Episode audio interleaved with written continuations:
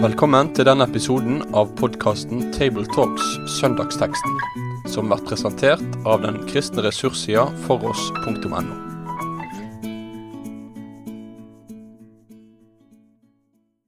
Velkommen til en ny episode av podkasten Tabletalks. I studio i dag sitter Reidar Valvik, tidligere professor ved MF, Vitenskapelig høgskole. Jorunn Sjåstad, medarbeider i Bibelselskapet og redaktør av Bibelleseplan Logos. og Kristoffer Hansen Eikenes, prest i Rynberget kirke, Delk Oslo. Den teksten vi leser sammen i dag, den står i Lukasevangeliet i kapittel 18, fra vers 35. Da Jesus nærmet seg Jeriko, satt en blind mann ved veien og tigget. Mannen hørte at det var mye folk på veien, og spurte hva som sto på. De svarte ham, Jesus fra Nasaret kommer forbi. Da ropte han, Jesus, du Davids sønn, ha barmhjertighet med meg. De som gikk foran, snakket strengt til ham og ba ham tie, men han ropte bare enda høyere. Du Davids sønn, ha barmhjertighet med meg. Jesus stanset og ba om at den blinde skulle føres til ham. Da han kom nærmere, spurte Jesus ham, Hva vil du at jeg skal gjøre for deg? Han svarte, Herre, la meg få synet igjen. Jesus sa til ham, Bli seende, din tro har frelst deg. Straks kunne han se, og han ga seg i følge med Jesus og lovet Gud. Og hele folkemengden som så dette, lovpriste Gud. Ja, dette er jo en veldig kjent tekst, eh, som i hvert fall i mitt hode får opp noen helt konkrete bilder fra en og annen barnebibel og litt av den slags. Eh, Det kan jo være litt utfordrende og å da forholde seg til det vi faktisk har lest, men det skal vi nå prøve å gjøre. Eh, Det handler altså om Jesus som er på vei mot byen Jeriko, og det sitter en blind mann ved veien og tigger. Eh, Jeg holdt på å legge til uten å tenke meg om at han heter Bartimeus. Eh, Og da måtte jeg sjekke hvor har jeg egentlig det fra, og det står i Markus 10. Så jeg tror jeg kommer til å fortsette å bruke Bartimeus som navn på denne mannen. Eh, Men i alle fall, han var blind. Han hører at Jesus kommer, og det gjør at han eh, setter i gang å rope om hjelp. Eh, Og her er det mye å, mye å snakke om. Hva, er- hva er deres første tanker etter å ha hørt denne teksten? Altså, jeg tenker det at eh, som i fortellinga om, om Jesus og de små barna, så er det her dem som går fram og sier til han blinde at han må tie stille. Altså, det er noen som prøver også å, å i sin iver, eller misforståtte iver, å beskytte Jesus mot dem som ikke passer, passer sammen med Jesus. Sånn kan en av og til tenke at, eh, det, opp, at eh, det fungerer. Jeg vet ikke hvorfor han ikke skulle få lov til å rope han som satt der. Kanskje de mente at han var til bryderi for Jesus. Ja, for du sa han passa ikke inn på en måte hos Jesus. Noen hadde sikkert kanskje et bilde av at Jesus han var sånn og slik. Og denne her litt lurvete fyren som kanskje ikke så all verdens velkledd ut, ettersom han var en fattig mann. Han tigga, står det, og satt der i veikanten. Det var støvete og fælt. Han liksom passa kanskje ikke helt inn i, i dette festtoget som fulgte Jesus. Ja, om det var et festtog, det vet ikke jeg, men det var en annen sosial klasse, antagelig. Ja, det må vi Så tenke. at eh, han var ikke den som skulle, skulle trekkes opp, og Ja. Jesus skulle slippe å bøye seg ned. Ja, en upassende figur. Ja. Men uh, apropos festtog, hvis man hadde lest denne teksten i sin større sammenheng, som man jo alltid bør gjøre, så vil man jo vite at versene rett forut er Jesu lidelsesforutsigelse. Uh, en av de tre, uh, hvor han nå altså er på vei til Jerusalem. Eh, han er ikke først og fremst på vei til Jeriko, men han er på vei til Jerusalem for å lide og dø. Eh, det står at når Jesus talte om dette, så forsto ikke disiplene hva han mente, fordi dette var så, så uklart for dem. Men de var iallfall på vei til eh, Jerusalem, og kanskje det var liksom det som var det viktige målet, uansett hva som skulle skje der, og at han derfor ikke skulle stoppes eh, på veien. Men jeg, jeg hang meg opp i dette svaret som, som denne blinde får når han spør hva er det som står på. Så får han høre Jesus fra Nasaret kommer forbi. Ja. Kommer forbi, eller går forbi? Altså Hvis man leste i den gamle 1930-oversettelsen, så sto det følgende De fortalte ham da at Jesus fra Nasaret gikk forbi. Og da tenker jeg at det gir jo liksom helt andre assosiasjoner. Eh, her var det en som faktisk bare gikk forbi. Og også i den eh, engelske King James så har man den samme eh, oversettelsen som kan gi assosiasjoner til ja, her er det en som bare går forbi. Og da kom jeg plutselig på at kanskje det har vært utgangspunktet for den kjente sangen av Fanny Crosby. Gå meg ei forbi, o Jesus? Ja, Pass me not, O gentle savior, heter det på engelsk. Men på norsk lyder altså verset Gå meg ei forbi, o Jesus. Hør min bønn til deg, og når andre du velsigner, glem da ikke meg. Var det det som var uh, tiggerens opplevelse, at Jesus var i ferd med å gå forbi ham? Nå glipper det litt sånn. Der går mitt håp. Ja, Ja. men heldigvis så gjorde du ikke det, da. Det gjorde ikke det. Altså, for det er jo klart, reaksjonen eh, den blinde, eller Bartimøs hvis vi skal kalle den for det, får, er jo en reaksjon som bærer vitnesbyrd om at han har noen helt konkrete forventninger til at nå kan noe skje. Fordi han har jo forstått hvem denne mannen er. De sier Jesus fra Nasaret. Han roper 'Du Davids sønn'.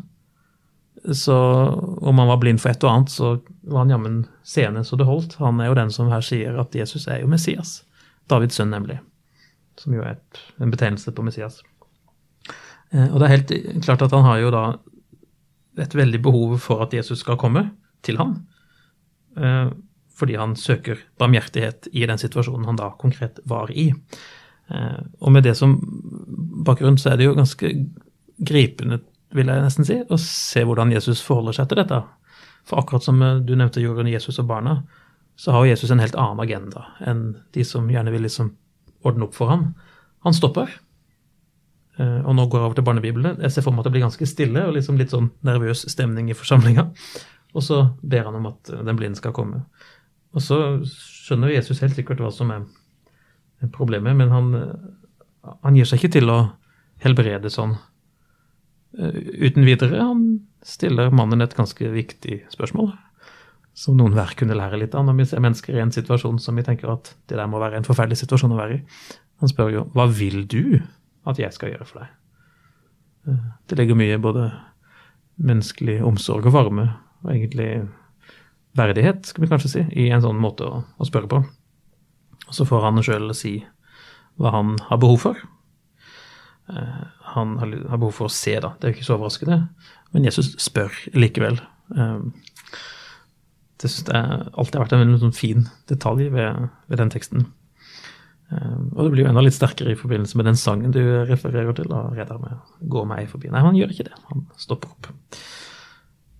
Og så sier Jesus 'bli seende, din tro har frelst deg'. Så i stedet for å bare dure på og helbrede, så får han både et vitnesbyrd om mannens tro ved at han retter sin bønn til Jesus, og han får selvfølgelig helbrede han sånn som han ønsker. Det er jo interessant dette her spørsmålet. Hvorfor spør Jesus den blinde om hva han vil? Burde ikke Jesus med en gang skjønne det? Allvitende som han er, osv.? Ja. Jeg, jeg leste en, en, preken av kirkefaderen Kyrill Alexandria over denne teksten.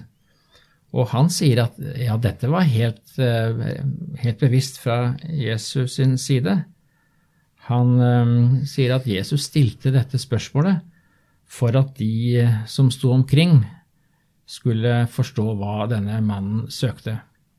Altså en tigger som sitter ved veikanten og det kommer mennesker forbi, hva er det første som er naturlig å spørre om? Jo, det er selvsagt penger.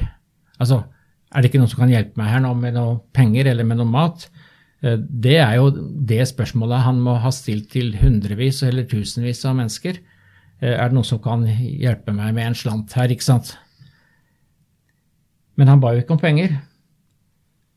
Denne tiggeren får vise altså at han eh, tenker noe annet om Jesus enn det som han tenker om andre mennesker. Mens han ba mennesker normalt om penger, så ber han her om en um, guddommelig kraftgjerning. Så Kyril sier at dette er et vitnesbyrd om at, at denne tiggeren skjønte at Jesus var noe mer enn et menneske. Han henvendte seg til Gud når han ba om å bli seende, for det var ingen som gikk forbi veien i Jeriko som kunne gi ham synet igjen. De kunne bidra med penger. Men her kom det en som han hadde åpenbart hørt om, som var Davidssønnen, den kommende frelserkongen, han kunne kanskje gjøre noe som ingen andre kunne gjøre. Ja, og nettopp det er poenget, sier uh, Kyrilla og Alexandria. Mannen som satt attmed veien, har jo sikkert hørt veldig mye. Om han har vært med i synagogen da han var liten, det vet vi ikke noen ting om, men han har vel kanskje hørt lese Messias-teksten om han som skulle komme og åpne blindes øyne. Sånn at det har tent håpet i ham om at det, hvis det nå var sånn som han trodde, at det var Messias som kom der, så, så var det mulig. Mm. Det er jo i teksten du nevnte det, er, Jesus er på vei til, til Jerusalem egentlig. Det kan muligens forklare hvorfor noen prøver å dysse ned den opptøy, opptøyene med han eh, blinde. Eh, men det er jo egentlig en litt sånn fin sammenheng mellom ropet fra den blinde i kapittel 18 hos Lukas og i kapittel 19, hvor Jesus rir inn i Jerusalem. Eh, fordi at de hilser jo, folkemengden hilser Jesus når han kommer inn på eselfolen, da, med en ganske likelydende likelydende hilsen som den, den ganske sånn ubetydelige og kanskje litt anonyme blinde mannen har hatt like før. Eh, for de roper 'velsignet er han kongen som kommer i Herrens navn'. Det er jo en tydelig sånn messiansk måte å snakke på. Akkurat som ja, nå sier jeg Bartimeus, da. Au har det eh, i, i, vers, eh, nei, kapittel 18 der. Så det er sånn det, det minner om den bibelåret hvor det står om at altså for de uforstandige har Nå husker jeg ikke hvordan det går, men altså dette har jeg åpenbart for uforstandige og skjult for verdens klok osv. Så, um, så det er litt, egentlig litt ålreit og litt typisk at det er den uh, blinde mannen som får lov til å bekjenne, sånn at alle hører det, hvem Jesus egentlig er. Og så henger jo det på det aller nærmeste sammen med nettopp vandringa mot Jerusalem, da, hvor han skal sette livet til for ikke bare for Bartimeus, men for oss alle sammen. Et, eh, jeg syns den teksten også er en veldig fin tekst om bønn. Denne blinde tiggeren roper altså når han får, får anelse om at Jesus er i nærheten. 'Jesus, du Davids sønn, har barmhjertighet med meg.' Men så blir han dyssa ned, men han gir seg ikke. Han gjentar dette bønneropet, og det er vel en konkret eh, måte å si det som sies andre steder i Bibelen, om å være vedholden i bønnen. Eh, Jesus har jo også lignelser om, om, den som ikke gir seg, men altså som står på. Eh, det er faktisk et uh, privilegium man har i forhold til Jesus. Det går an å komme om igjen og om igjen med det samme bønneropet. Og dessuten er jo dette bønneropet han kommer med, ha barmhjertighet med meg, mm. eleison med. Vi har jo en parallell til dette i det er vel i Matteus 17, 15, hvor, hvor, det kommer en mann til Jesus, og han sier da Herre, miskunne deg. Kyrie eleison. Herre, forbarm deg. Dette er jo Jeg tenker på sett og vis er dette den, det helt mest, det mest grunnleggende bønneropet vi kan rette til Jesus. Altså uansett eh, hva eh, det dreier seg om, om det gjelder personlige saker eller større ting i kirken og i verden. Altså, Herre, miskunne deg. Eh, jeg, opplever det som den det er liksom bånden i et kristent bønnerop. Det er akkurat denne bønnen. Og det er derfor ikke tilfeldig at vi har det igjen i gudstjenestens liturgi. Kyrie eleison. Miskunne deg, Herre. Det samler jo for så vidt også hele Fader vår, det. For hvis vi roper på Guds barmhjertighet, så omfatter jo det alle de punktene som Fader vår også omfatter fine med det er jo at uh, det ropet uh, om barmhjertighet svarer jo til en ganske hva skal jeg si, dominerende egenskap ved Jesus og ved Gud sjøl. Uh, nemlig evnen til barmhjertighet og viljen til det. hvis vi f.eks. hadde sett på lignelsen om sønnen som kom hjem, så ligger jo vekten på den lignelsen ikke på alle de fantasifulle tolkningene av hva som skjedde med sønnen der ute eller der hjemme, men på farens barmhjertighet. Han fikk inderlig medfølelse med han da han fikk se han. Og det sier dermed noe om hvem Gud er. Ehm, så egentlig så er det litt fint å bli minnet om det, at vårt bønnerop svarer til noe som Gud gjerne vil gi. Ehm, så det, her blir det jo veldig tydelig eh, med helbredelsen. Det er jo mange personer i Bibelen som kommer og ber Jesus om forskjellige ting. Men de gangene han alltid svarer positivt, det er jo når folk spør om barmhjertighet. Ha barmhjertighet de avvises aldri. Må, dette, dette, er en helbredelsestekst. Um, og det gjør at jeg tenker vi må si litt mer om helbredelser. Fordi evangeliene er jo, om ikke breddfulle, da, så er det i hvert fall veldig mange eksempler på at Jesus helbreder fysiske plager og mentale plager. Og så har vi nettopp snakka om noe som er helt sant og rett, nemlig at vi kan alltid komme til Gud med bønn om barmhjertighet. Um, og Jesus vil helbrede. Og så er vel vår erfaring uh, her like ofte den at den helbredelsen som man kan rope etter gang etter gang, den drøyer. Den uteblir kanskje til og med helt, fordi livet ender sånn som det gjør for oss alle, med døden. Uten at noen ble mirakuløst helbreda.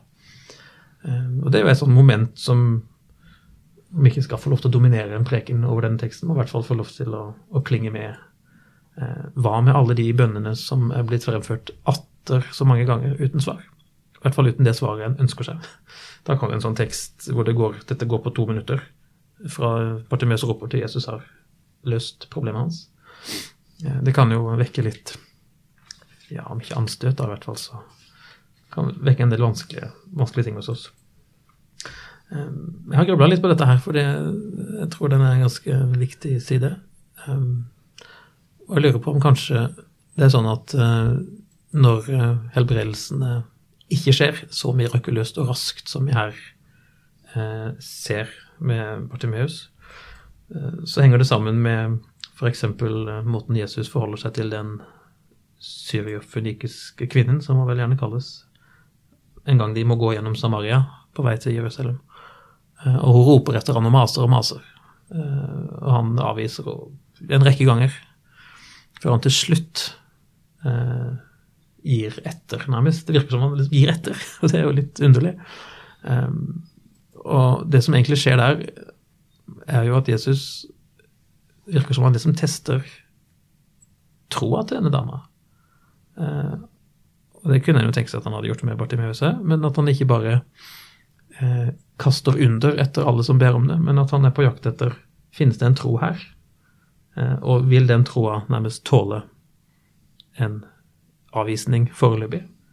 Eh, og det, Grunnen til at jeg sier det, er at troa i seg sjøl, troa på Jesus som verdensfrelser og frelser, den omfatter jo flere dimensjoner enn bare det å bli løst fra fysisk eller psykisk plage.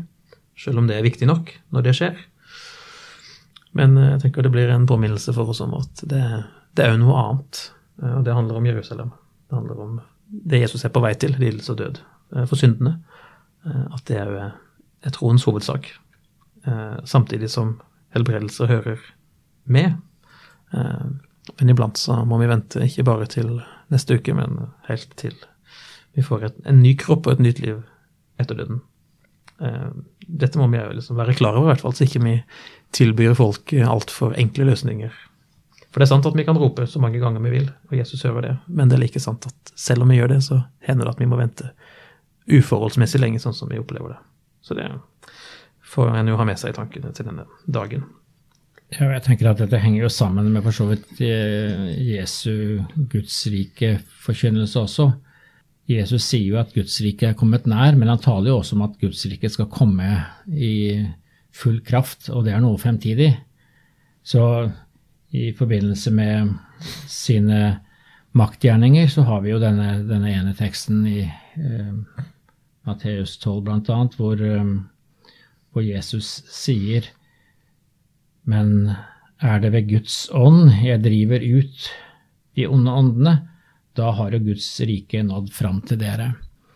Ja, Jesus var der, han er den som brakte Guds rike, og i hans nærhet så, så opplevde man eh, Guds rikets eh, krefter fullt ut. Eller rettere sagt, man opplevde det fullt ut enkelte ganger. Eh, og det er jo det som er situasjonen i vår verden, tenker jeg. Altså Guds rikets krefter gjør seg gjeldende, men Guds rike er ikke kommet i herlighet. Vi får se glimt av det som skal komme. Glimtvis så slår det inn i vår verden at mennesker blir helbredet her og nå. Men um, Gudsrikets komme, det ligger uh, i framtida, og det, det hører med til en viktig del av det, det kristne håpet eh, om at Gud skal komme og gjøre alle ting nye. Så det, det er i det store perspektivet vi må, må, se også lidelsen og sykdommen og nøden.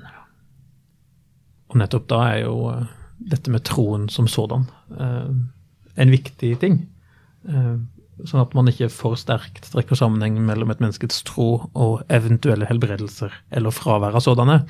Eh, med det du Mino har sagt, så er det jo grunn til å liksom være litt våken for en type forkynnelse, kanskje, som har et Hva skal jeg si for noe? Som gjør at vi ser oss blinde på undergjerninger og den slags type manifestasjoner. Enda så oppbyggelig og sant og rett det kan være, så kan en jo risikere å komme inn i et hovedfokus som egentlig tar saken bort fra det som er sakens kjerne og hovedsak, nemlig frelse som frihet fra synd og løftet om en, et fullbrakt Guds rike der fremme. Så det er fint å minne hverandre om det òg her på denne, på denne, dagen. Skal vi ta med en, en liten ting til slutt, nemlig i, i uh, slutten av denne teksten så sies det jo noe om, um, om tingerens uh, reaksjon. Det må vi si litt om. Det står at han, når han ble bønnhørt, så slo han seg i følge med Jesus. Eller om vi oversatte litt mer eh, ordrett han fulgte Jesus. Altså, det verbet som brukes, er jo det verbet som brukes når Jesus kaller disipler 'følg meg', mm. og de sto opp og fulgte ham. Så her er det jo en som ikke bare er happy for å bli helbredet, men også som da er villig til å gå i Jesu fotspor. Han følger etter Jesus, og Jesus var, som vi husker, på vei mot lidelse og død, som også er en del av dette livet. Så jeg syns det er litt sånn oppbyggelig med denne reaksjonen hans. Den er på sett og vis dobbel. Han fulgte Jesus, og han lovpriste Gud. Og så var han på vei sammen med Jesus til Jerusalem. Og en liten ting som jeg tenker på når jeg leser denne teksten, her, det er det at eh, det sitter mange med veien og tigger. Ikke nødvendigvis i fysisk forstand i dag. Men òg det. Men de, mange av dem vet ikke hvem de skal rope etter. Han her har hørt om Jesus fra Nasaret, han har hørt om Davids sønn. Han kunne noe om de løftene. Uh, det er veldig mange som ikke vet det. Og, når da tenker, skjer det at, at eh, de som kom sammen med Jesus at Der var det mye bråk, og ja, så det, det, måtte, det var for mye lyd til dem. Så, så tenker jeg kristne i dag de går veldig stilt i dørene. Det er ikke så mange som, som roper ut at 'nå kommer Jesus', 'her kommer Jesus'. Eh, og da vet jo ikke folk hvem de skal rope etter heller. Så jeg tenker, sånn sett er denne teksten en oppfordring til, til Guds barn om ikke å være så, gå så stilt i dørene kanskje som de har lyst til å gjøre, for å ikke lage bråk. Og så er det òg et eksempel på hva en ikke skal gjøre, nemlig at en ikke skal vise folk bort fra Jesus, men at en skal være med og invitere dem og være med og føre dem føre den blinde, da, for å si det med ordene i teksten, tilbake til Jesus, så at Jesus kan få spørre hva vil du jeg skal gjøre for deg. Det tenker jeg det er den største utfordringa for meg med denne teksten. Mm. Det er en viktig påminnelse. Um, det er mye som kan få oss til å gå stille. Men da er det godt å høre noen skikkelige rop eh, fra en eh, liten outsider i, i byen Jeriko. Sånn at de vet hvem de skal rope etter Nettopp. for å få barmhjertighet. Det er en god oppsummering. Takk for følget. Lykke til til alle som skal forkynne over den teksten nå på søndag. Med det sier vi takk for følget for denne gang. Finn flere ressurser, og vær gjerne med å støtte oss på foross.no.